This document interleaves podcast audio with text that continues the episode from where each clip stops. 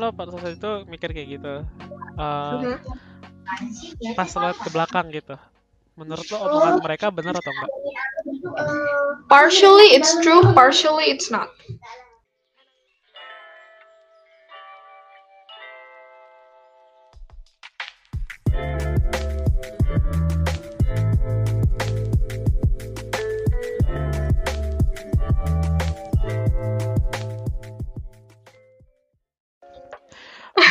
Where should we start uh, kita mulai dari mana ya kalau Kelas 10, 11, 12. sure let's start small start at year 10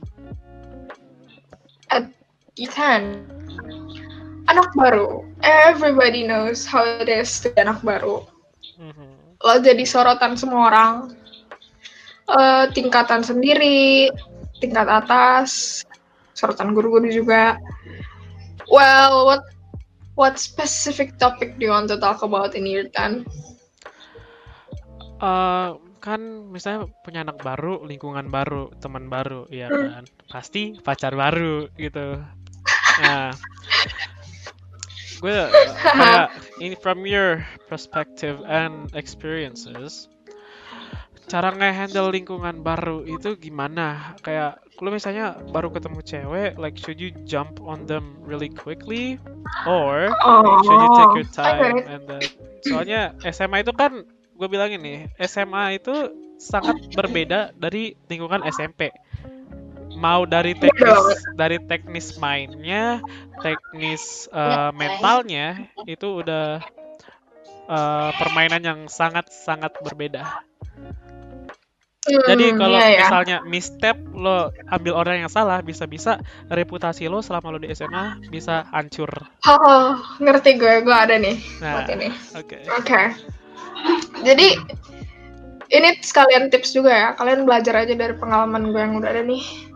Waktu kelas 10 gue ngerti kalau anak-anak baru itu mau menonjolkan dirinya gitu loh. Sense of recognition, sense of belonging kayak gue pantas kok ada di sini. Look at me. Gitu. Gue ngerti anak-anak baru begitu. Karena pada masanya gue juga dulu gitu. Gue pengen di recognize sama orang.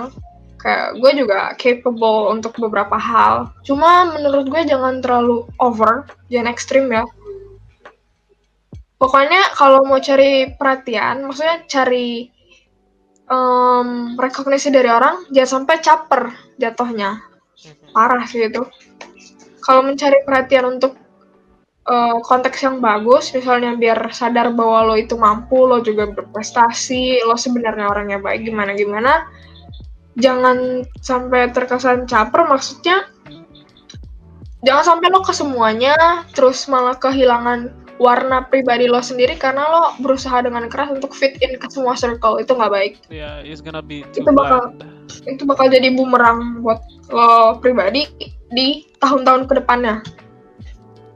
Hmm. Jadi kalau untuk anak-anak di lingkungan baru nih, specifically kan kita lagi ngomongin relation ya, relationship. Pertama sama teman-teman, gue di kelas 10 ada drama parah sih.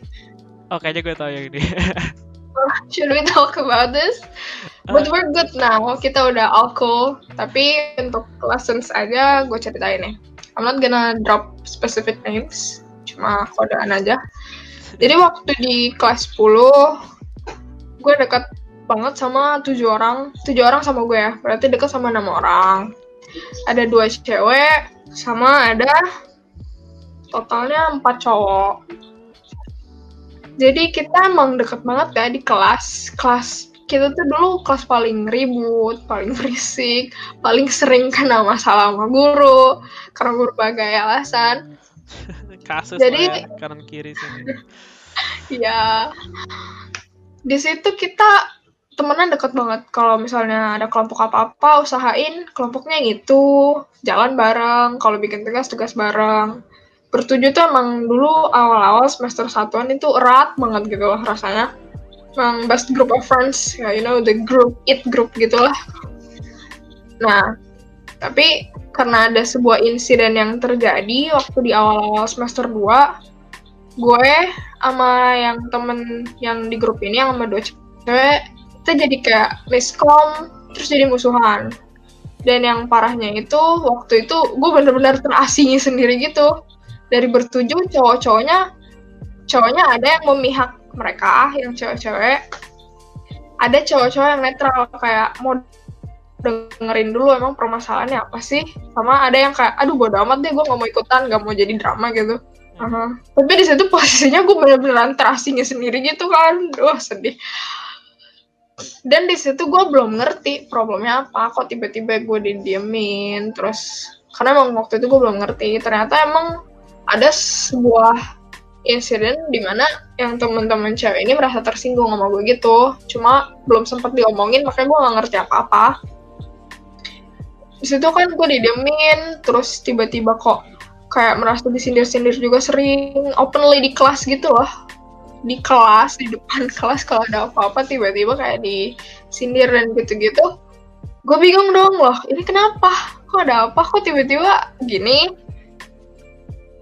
Dari situ pertama gue biasa aja. Cuma lama kelamaan kok kayaknya makin hari makin dipojokin aja gitu makin di sendiri gimana gimana it it kind of affect my mental health a lot on that point. Karena di situ posisinya gue masih anak baru ya. Sama satu lagi gue tuh sempet dicari nama kakak kelas. Karena long story short the guy that she likes itu akrab atau deket sama gue waktu itu dan waktu itu katanya gue pernah dibilang katanya talk trash tentang mereka padahal aslinya enggak jadi, jadi ada kambing oh, hitam gitu ya, main kambing hitam tiba-tiba. Iya, jadi waktu itu kayak lagi ada perayaan 16-an deh, sehari sebelum 17-an. Gue lagi ngobrol nih sama nih kakak D ini, kakak kelas 12.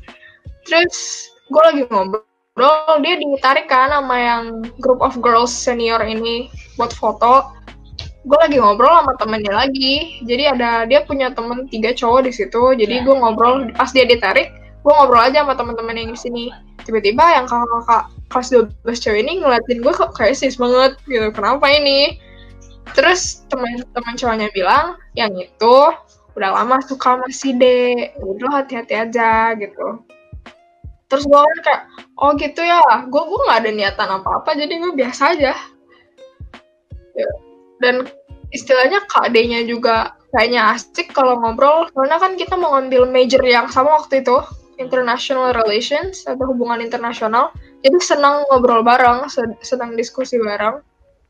Dari situ gue gak ngerti ada problem apaan cuma tiba-tiba beberapa hari kemudian tiap gue kan waktu itu ketua kelas ya jadi gue harus bolak balik ke ruang guru yang di lantai dua kelas di kelas 3 kalau kurang guru tuh ngelewatin koridor kelas 12 berapa kali gue lewat gue kayak sering dipanggilin gitu kan kayak set set set itu gitu cuma kan gue nggak mau nanya oke ini sama senior sama gue nggak merasa juga dipanggil. Ada beberapa waktu mereka tuh nginjek sepatu gue sampai gue bener-bener kesandung pengen jatuh. Pas di depan kelasnya gitu. Wah di situ gue mulai merasa kayak nggak terima dong emang ada apa sih? Emang gue ngapain? Gue kayaknya nggak ada urusan sama lo kok digituin gue ya? Dari situ makin hari makin parah. Bener-bener kayak gue habis presentasi di kelas gue tiduran dikit didatengin sama banyak orang. Dia sama temen-temennya gitu. Didatengin di kelas. Dan waktu itu karena gue lagi tiduran jadi mereka mungkin nggak jadi mau natar mau ngabar nggak ngerti jadi cuma cabut cuma ngeliatin gue doang terus cabut. Teman gue yang ngasih tahu kan dari situ gue gue ignore aja lah ya. Istilahnya gue nggak ngapa-ngapain kok tiba-tiba digituin. Kalau emang ada salah juga pasti diomongin aja. Enaknya gimana? Tapi SMA dari kan beda lah ya kayak mainnya itu nggak frontal tapi main dari belakang. Ya itu emang mainnya sindir-sindiran labrak-labrakan. Hmm. nggak ada yang mau duduk terus diomongin baik-baik gitu jarang. Ya paling kan juga yang frontal itu cowoknya ya partai. Paling ya ya kemarin di situ kan yeah. itu udah nggak ada apa-apa ya lagi. kalau cowok-cowok mah kalau cewek kan lebih complicated lebih, ya. iya. kalau gini anak kakak gue kelas 10 sampai waktu itu akhirnya harus dimediasi sama satu guru. Karena tuh guru dengar kejadian kan.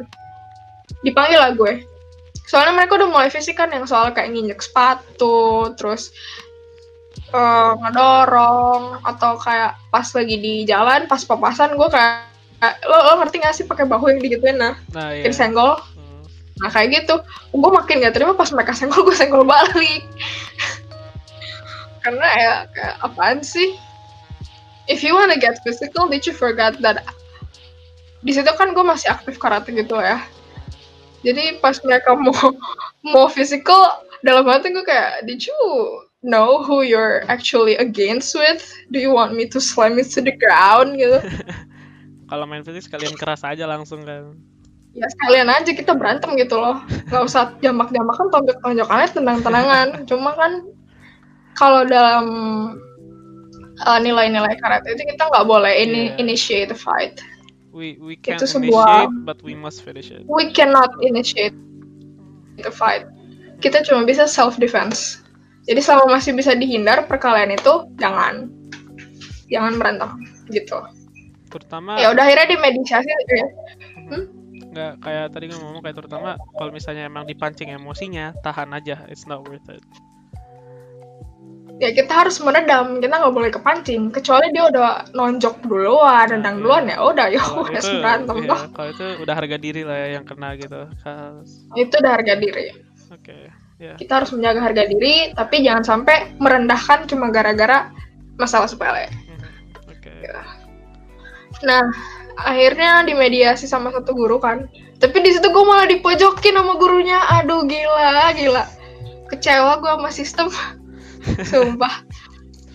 Iya gara-gara gue junior lo bayangin itu mereka satu grup ada lima apa enam orang ya. Dikit kan dimasukin di sebuah ruangan gitu ruangan aktivitas di situ dipanggil kakak kelas cowok yang bersangkutan yang kak D ini. Am, kak D bawa temennya juga yang waktu itu ngobrol sama gue sebagai saksi.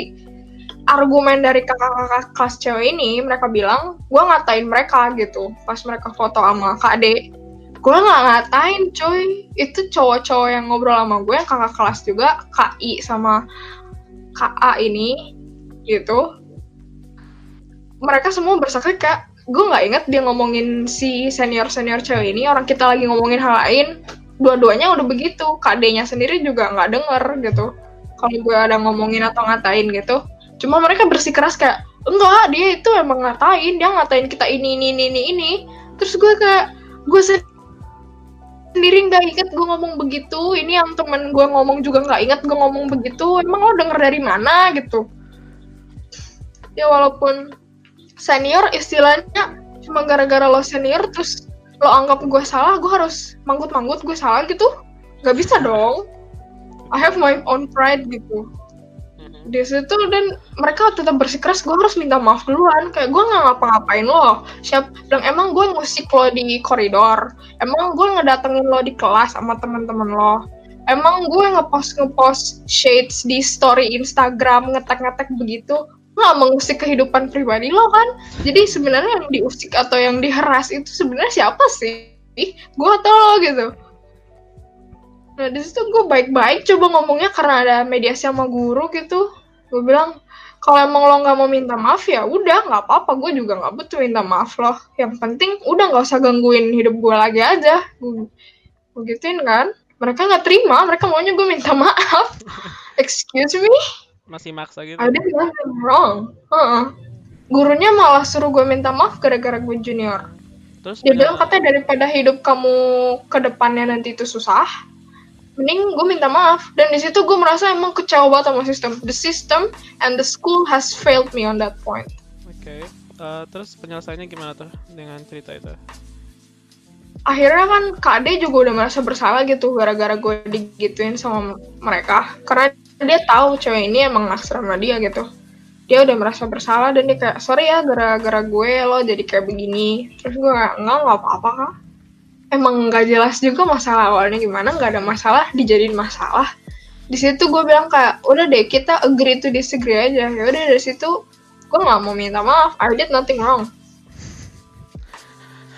oke gue cuma bilang gini ya udah maaf kalau misalnya lo tersinggung dengan perkataan gue yang gak pernah ada gue gituin. Gitu.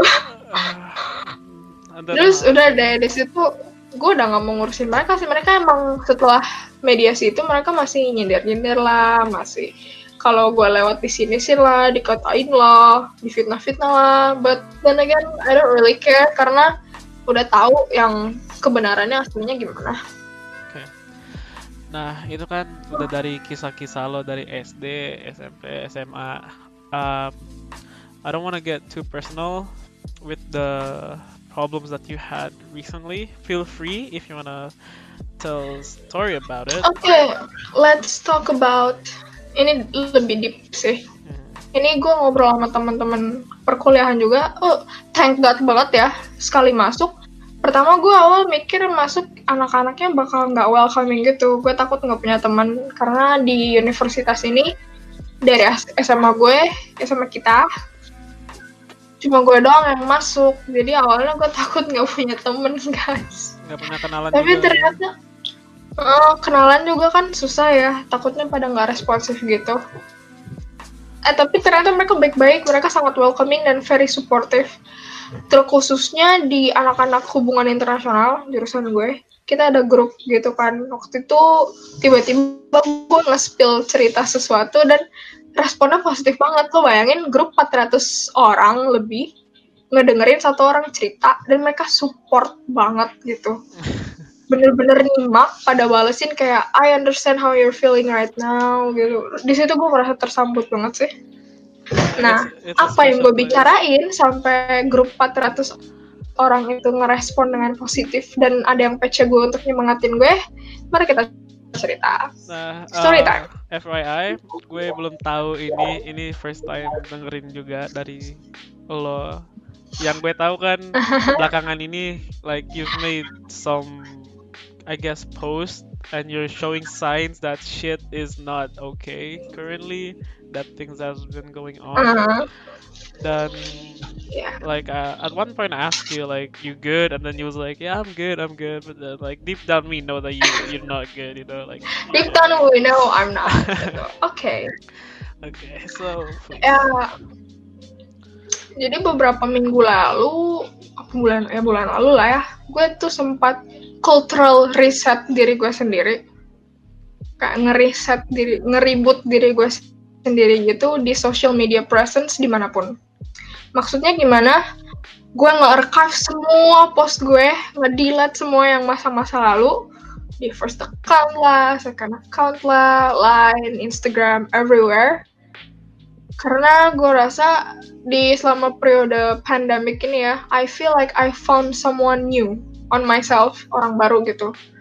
Udah berkembang jadi orang yang baru. Gue di bulan Januari sampai Maret sama gue yang dari bulan akhir-akhir ini itu udah beda, udah beda. I can feel it. Ternyata isolasi itu membantu kita untuk menemukan diri kita sendiri loh. Gue suka. you, you just find your true Nah. self Uh. Nah, ketika gue cultural reset itu, emang semua orang langsung tiba-tiba nanya, kenapa nih? What happened? Kalau nge-archive post terus udah screennya black, biasa kan orang kayak gitu dicap lagi galau ya. yeah Tapi aslinya nggak galau. Aslinya itu merasa kayak orang yang makanya kan akhirnya setelah cultural reset gue ngepost satu hari satu posan itu kayak foto eh video klip ular lagi kayak nerekam gitu. Nah, itu ada simbolnya juga. Jadi yang gue post itu maksudnya I feel like a snake yang udah nanggalin kulit luarnya yang lama. Gitu. Hmm. Udah ganti kulit. Tapi masalahnya dengan postingan itu orang-orang mikir kayak ini siapa sih? Orang Who's mikir, snake? ada Who's apa? snake gitu kayak ini ada apa? What happened? Iya. Ya, apalagi itu kan gelap-gelap gitu ya. Soalnya kan biasa ular itu disetarakan kayak orang yang menusuk dari belakang gitu kayak but Iya. like something is wrong Mhm. in your cir- uh, friend circle like so, your social circle. Hmm. Padahal salah enggak satu. Um, salah satu alasan kenapa gue tiba-tiba pilih Snake because my role model is Taylor Swift dan ketika dia lagi dibully sama sejagat internet dan dikatain Snake dia malah pakai icon Snake itu untuk jadi trademarknya dia. It's a power move. Itu boss move banget and it's it inspires me a lot. Seriously? Kayak ketika orang nge-label lo dengan satu label yang jelek tapi lo dengan berhasil pakai label itu untuk malah menghasilkan lo duit jutaan dolar itu that's iconic man. Improvise, adapt, overcome. hmm. Improvise and overcome that's right. Dan gue merasa kayak I should take example from that. Ya udah emang sih I was going through a lot of problems. Jadi salah satu sim kenapa simbolnya ular kulit lama yang gue tanggalin itu artinya udah gue mau tinggalin karena gue udah mau kuliah sekarang. Gue udah mau mulai chapter baru. Oke. makanya gue pilih ular sama satu lagi ular itu nggak gigit kalau nggak diganggu Yes, that's very true. Hmm. I'm Oke. trying I'm trying to present the idea bahwa I will not bite you, I will not interfere with your life selama lo nggak merugikan gue. Kayak lo nggak ganggu gue, gue nggak ganggu lo. Segampang itu lah. Ya, Ya, gue gue Oke. mau represent a stronger version of myself lah istilahnya. Nah, terus langsung aja Nah. ke permasalahannya nih. Langsung ke permasalahannya. Oke. We're gonna talk about relationships that used to be sweet and turned psychotic and toxic. Oh no, okay, this is gonna be Oh, gue gue rasa ini topik yang lagi hangat-hangatnya bagi setiap orang ya, toxic relationships. Ya, apalagi kayak pada masa kayak gini kan pandemi pasti setiap pasangan kayak kalau gabut pasti ribut gitu nyari-nyari ah, masalah. gabut, kalau gabut ribut, nice. Iya. Nah, oke. Okay.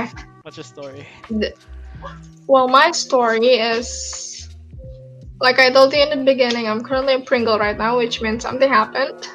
Something did happen. I'm gonna be upfront and honest juga, tapi ini dari sisi gue doang. Jadi kalau emang pengen tahu kejelasannya gimana, mungkin bisa tanya sisi dari yang bersangkutan nanti gitu. Mungkin Karena kalau cuma ngeliat dari satu sisi atau sisi gue doang itu nggak adil. ya, it's not bisa jadi apa yang apa yang gue tang yang gue dapet yang gue tanggapi itu bisa jadi beda dari pandangan dia apa yang dia rasain juga kan Oke, uh, before you start, gue cuma mau kasih Mhm. konteks. Uh, jadi pas masa-masa kelas 3 ya, perjuang pejuang UN gitu, lo tiba-tiba dideketin se- se- seorang cowok gitu, seorang cowok. Dan Hmm. cowok ini mirip-mirip yang kayak cowok SMP. Uh, dia itu banyak diketahui orang gitu dan banyak yang ngincer juga. So saat dideketin uh, pasti seleksi alam lo dijelek-jelekin kayak lah kok dia sih? Lah kenapa dia? gitu. At at at one point uh, I was there kayak gue nenangin lo lo sampai nangis nangis kan gitu. And like uh, like the whole story behind Yeah. behind kayak jadian mereka itu kayak balik lagi kayak ya udah kayak Wattpad lagi. Soalnya masa-masa SMA itu emang masa-masa di mana drama itu bakal banyak di hidup lo. Nah and banyak banget. ya banyak banget. Dan pas gue liat lo jadian kayak I was happy for you. And then lo pasti lagi bucin bucinnya banget. Lo dikit-dikit SG dikit-dikit SG gitu. Kayak gue aja kayak ya Allah bosan gue liat ya gitu. Gitu kan kayak oke. Ah. nah terus and then you went silent for like a couple of weeks. And then tiba-tiba lo yang lo bilang tadi uh, like you archive archive semuanya. Terus pas gue liat kayak oh story dia udah gak ada nih kayak happened? what's what's wrong gitu. highlightnya udah nggak ada nih iya ya kan udah gak ada gitu nah Hmm. alright so Oke. please, mari kita mulai dari semua akhiran semua yang berakhir pasti ada awalnya jadi kita mulai dari awalnya Awal. ya it's just like your typical high school crushing romance type of story. Bedanya di sini kita kayak dari dua dunia ngerti nggak? Ya kan? Dunia itu konsepnya kayak gimana? dari bisa dua dunia. diperjelas gitu kayak in what way? We're basically kind of Romeo and Juliet. Mhm. something yeah in the end kayak gitu Romeo and Juliet type of way because dia dari crowd yang beda gue juga dari crowd yang beda. I have a reputation of my own he has that too. Dan awalnya emang we did not see it coming ya because eh, ini gue bukannya mau gimana gimana guys. Cuma waktu itu emang ada beberapa cowok yang lagi ngedeketin jadi gue kayak nggak fokus sama siapa pun. Kayak udah I was not kayak focusing. Romeo and Juliet ya dan Yeah, he was one of them. Jadi I don't really care about guys texting me dari siap siapa pun itu. Gitu. But then, kayak, I don't know, this person kind of caught my eye in a way. Cuma sempat miscom sama lose contact sebelum akhirnya ngobrol lagi. Ada satu event di mana akhirnya jadi intensif ngobrol gitu. And then we talk, we talk, days turn weeks.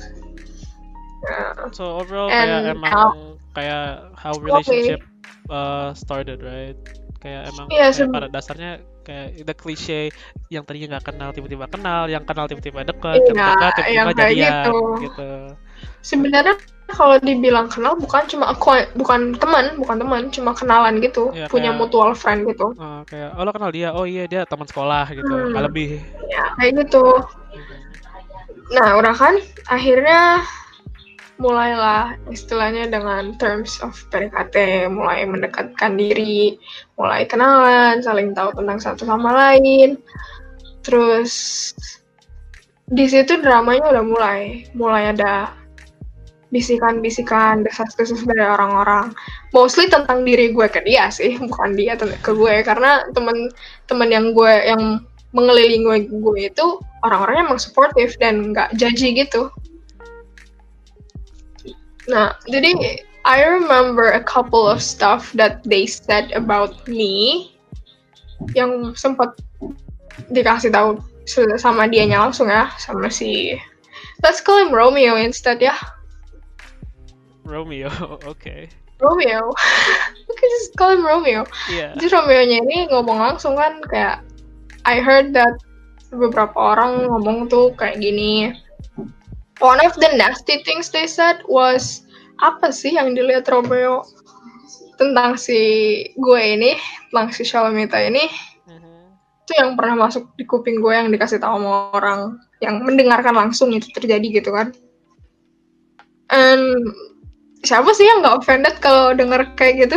ya iyalah soalnya itu kan harga Iya diri kan? lo gitu kayak emang emang harga diri gue apa sih sampai harus gitu I mean, I don't wanna brag, but I'm one of the most accomplished person di sekolah itu. Tolong deh. Ya, uh, for konteks Shalom ini tuh udah dapat prestasi tuh bisa dibilang eh, kayak udah out outstanding aja gitu kayak entah dari eh, mulai dari debat ya lo lo tuh udah dikenal sama guru-guru kayak wah jago bahasa Inggris gitu. Nah di Indonesia aja jago bahasa Inggris itu udah plus banget gitu. Itu baru awal-awalnya belum lagi lo udah black belt kan di karate. Karate atau apa Kar- karate. Karate. ya. Eh, terus juga eh, masih ma- dan banyak banyak lagi lah intinya gitu. Kayak lo ngejudge dia lo Iya. juga harus ngaca sendiri gitu. Kayak Harus. looks looks kayak looks is not everything just saying Ya, di situ di situ ego dan rasa pride gue itu kayak jatuh gitu. Terus gue langsung kayak marah gitu kan kayak, "Lih, apaan sih nih orang? Gue tahu ini yang ngomong siapa." Mhm. But sebagai orang yang gue merasa diri gue udah punya beberapa level maturity di atas orang-orang jadi walaupun gue tahu ini orang talk trash about me gue bakal tetap baik sama dia bukan muka dua ya ada beda kalau baik itu bukan berarti gue itu kayak mau mendekatkan diri atau sok baik sok nice gitu. Nggak maksudnya ketika dia gue mau treat dia sebagai orang juga. Gue mau nge-treat dia dengan di mana gue pengen di-treat kayak gitu. Jadi I treat her as a human being. Ah ketahuan kan gendernya apa? Oke. Nah ya udah. Tapi nggak apa-apa, udah udah gue maafin sih waktu dia ngomong kayak gitu. Cuma waktu dia ngomong apa sih yang bisa dilihat si Romeo dengan Shalom ini ya Tuhan itu gue itu pride gue bener-bener kayak wah kepala gue langsung kayak mendidih. Terus waktu itu gue ngomel kan ke temen gue, gue ngomongin salah satu semua accomplishment gue itu gue kayak lo mau tahun berapa, tahun berapa, bulan apa gue sebutin yang gue capai pada saat itu tuh apa gitu loh. intinya kayak modal buat comeback itu udah ada lah ya gitu kayak Iya, kayak apa lo- yang mau dilihat lo mau lihat Ah. dari dari segi apa? Ah. Sport, athletic, atau atau mau dari yang lain mungkin yang Academic, cultural. aha. I was I was a traditional dancer back then dan itu berprestasi sampai DKI gitu-gitu atau lo mau lihat dari academic Mhm. secara itu gue juga masuk dalam SNMPTN gitu ya gitulah mulailah kepala yang dipenuhi ego itu udah meledak gitu kan Mhm. Tapi balik lagi ya ini SMA gitu kayak it's not Ini. SMA. Ini- It's not surprising. everyone is judgmental Iya, mau lo mau lo anak presiden juga lo kayak kayak bilang sih gitu. bapaknya nggak bener gitu Nah, ya kayak orang, kan orang dalam orang dalam gitu kayak Hmm, orang gue, dalam gue, gue aja kadang- kadang-kadang bingung gitu kayak temen lo masuk SNMPTN bukannya seneng kayak eh lo orang dalam mana? Kok bisa sih? Kan lo goblok kayak Ah, itu itu itu I itu, itu sakit sih itu sakit sih kayak gitu. Kayak no bitch, I work hard for this. Iya gitu. Lo kalau cemburu ngomong aja. Kalau iri bilang bos gitu kan. Kayak ya udah. Gue juga pernah dikatain orang sok sibuk kan gara-gara banyak banget kegiatan dari sekolah itu yang mengharuskan gue nggak ada di sekolah. Jadi gue pernah dua minggu berturut-turut nggak masuk sekolah. Itu ada izin khusus dari dinas, cuma buat ngikutin seminar sama kegiatan-kegiatannya gitu. Jadi langsung dari dinas yang ngasih surat. Di situ gue dikatain sok sibuk karena nggak bisa ikutan kerja kelompok lah, inilah ya, Tapi pengorbanan sih dan ya, itu berbuah yang manis untuk sekarang Tapi menurut gue sekolah kita tuh emang gimana ya kayak kita mixed banget yang dari level culture-nya itu bener-bener Indo banget sampai level culture-nya itu udah international banget.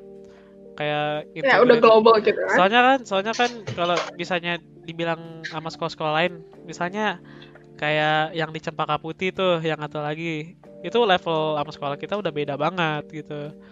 Uh, Iya, itu. Jadi pasti di sekolah itu ngerti kayak kalau di sekolah itu ngerti, oh Shalom sibuk, oh ya udah nggak apa-apa. Dia ada gini-gini ngerti paham.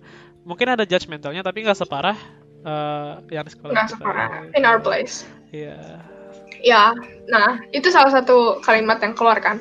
Ada juga yang sangat slut shaming nih kalimat yang keluar. Gue tahu juga siapa yang ngomong ini jadi ada yang ngomong kayak gini waktu itu ke si Romeo ini. Dia ngomong ih lo kok mau sih dekat sama dia? Dia kan banyak cowoknya woi gitu. Uh, itu slut shaming banget sih in my opinion. Why? Karena gue bukan orang yang like she pictured me to be. Mhm. because ya untuk orang yang mungkin kenal gue atau gue I have a lot of guy friends. Banyak banget. Dan itu emang akrab banget deket banget ya kan Yan ya sampai harus gue nasehatin gitu kayak don't do that.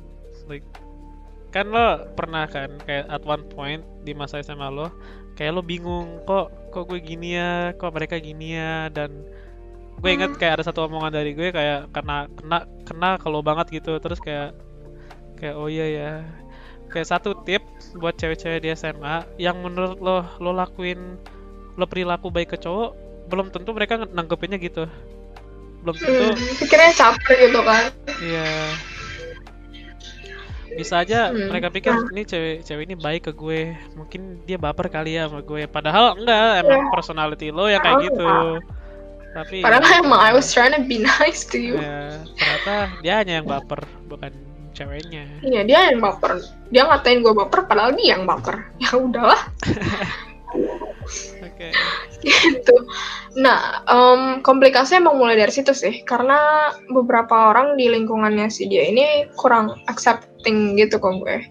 Dan gue nya sendiri, awalnya be aja. Cuma makin ke sana, ya semakin banyak itu istilahnya kan ketika lo bawa ini tangan deh, ketika lo dikasih ba- satu batu nggak berat gitu tapi ketika lo makin lama batunya nambah nambah gitu mau kecil mau gede makin berat dong Iya, lo lama-lama juga insecure gitu. Lo mau Hmm. sekuat sekuat apa hubungan lo, lo pasti bakal insecure kalau lingkungannya emang udah Yes. setoksik itu. nah itu, itu emang toxic relationship doesn't necessarily means itu you and this person tapi bisa juga jadi external force. Iya, jadi kayak orang yang di sekelilingnya itu yang memang memberikan negativity gitu. Dan akhirnya ada impact in your relationship gitu kan? Hmm. Nah, dari kayak walaupun lingkungannya toxic itu bukan berarti kayak harus udahan tapi kalau emang emang lo jodoh kayak emang lo itu ditakdirkan just go for it gitu kan soalnya yang jalin hubungan tuh bukan ya, bukan lo sama temen-temen lo but it's just you and him you or- and this person. Iya. Hmm. Nah, dari jadi walaupun itu kan dulu kayak lingkungannya emang parah banget ya, emang nggak accepting accepting beberapa dengan segala macam judgmental dari sisi ini, sisi ono. Ada beberapa juga gue punya teman junior, mereka juga sempat ngomongin ke gue, Ih, tapi kan kak dia orangnya kayak gini, kayak gitu. Nah di situ kita goyah dong, semua orang pasti goyah gitu. Karena kita sebagai pribadi belum kenalnya orang juga secara dalam. Nah, yang membuat gue kayak tetap kayak go for it adalah lah ini kan pandangan mereka terhadap dia ya. Bisa jadi itu kontradiktif. Itu yang di kepala gue tuh waktu itu. Nah, jadi gue mau. kan lo pada saat itu mikir kayak gitu. Uh, Mhm. pas lo ke belakang gitu. Menurut lo omongan mereka benar atau enggak partially it's true. Partially it's not. Hmm, and I'm thankful gue udah menjalaninya. Jadi gue bisa tahu untuk diri gue sendiri. Gue nggak perlu terhantui pikiran orang gitu. Oke. Nah. Walaupun it doesn't end very well. Uh, yaudah we'll get to that Uh, part. pokoknya intinya tiba-tiba uh, kalian udah jadian lah. Meskipun di awal-awalnya it, it was a bit rough Mhm. from either both sides yes. Nah oke just like any other relationships. dating story or anything ya itu berjalan smooth in the end. It's very nice. It's very sweet. Ah, we're just gonna skip over like uh ya kayak we're gonna skip that part yang dan kita enak- mulai enak, ke kita aja, problematikanya yeah, aja ya. where it starts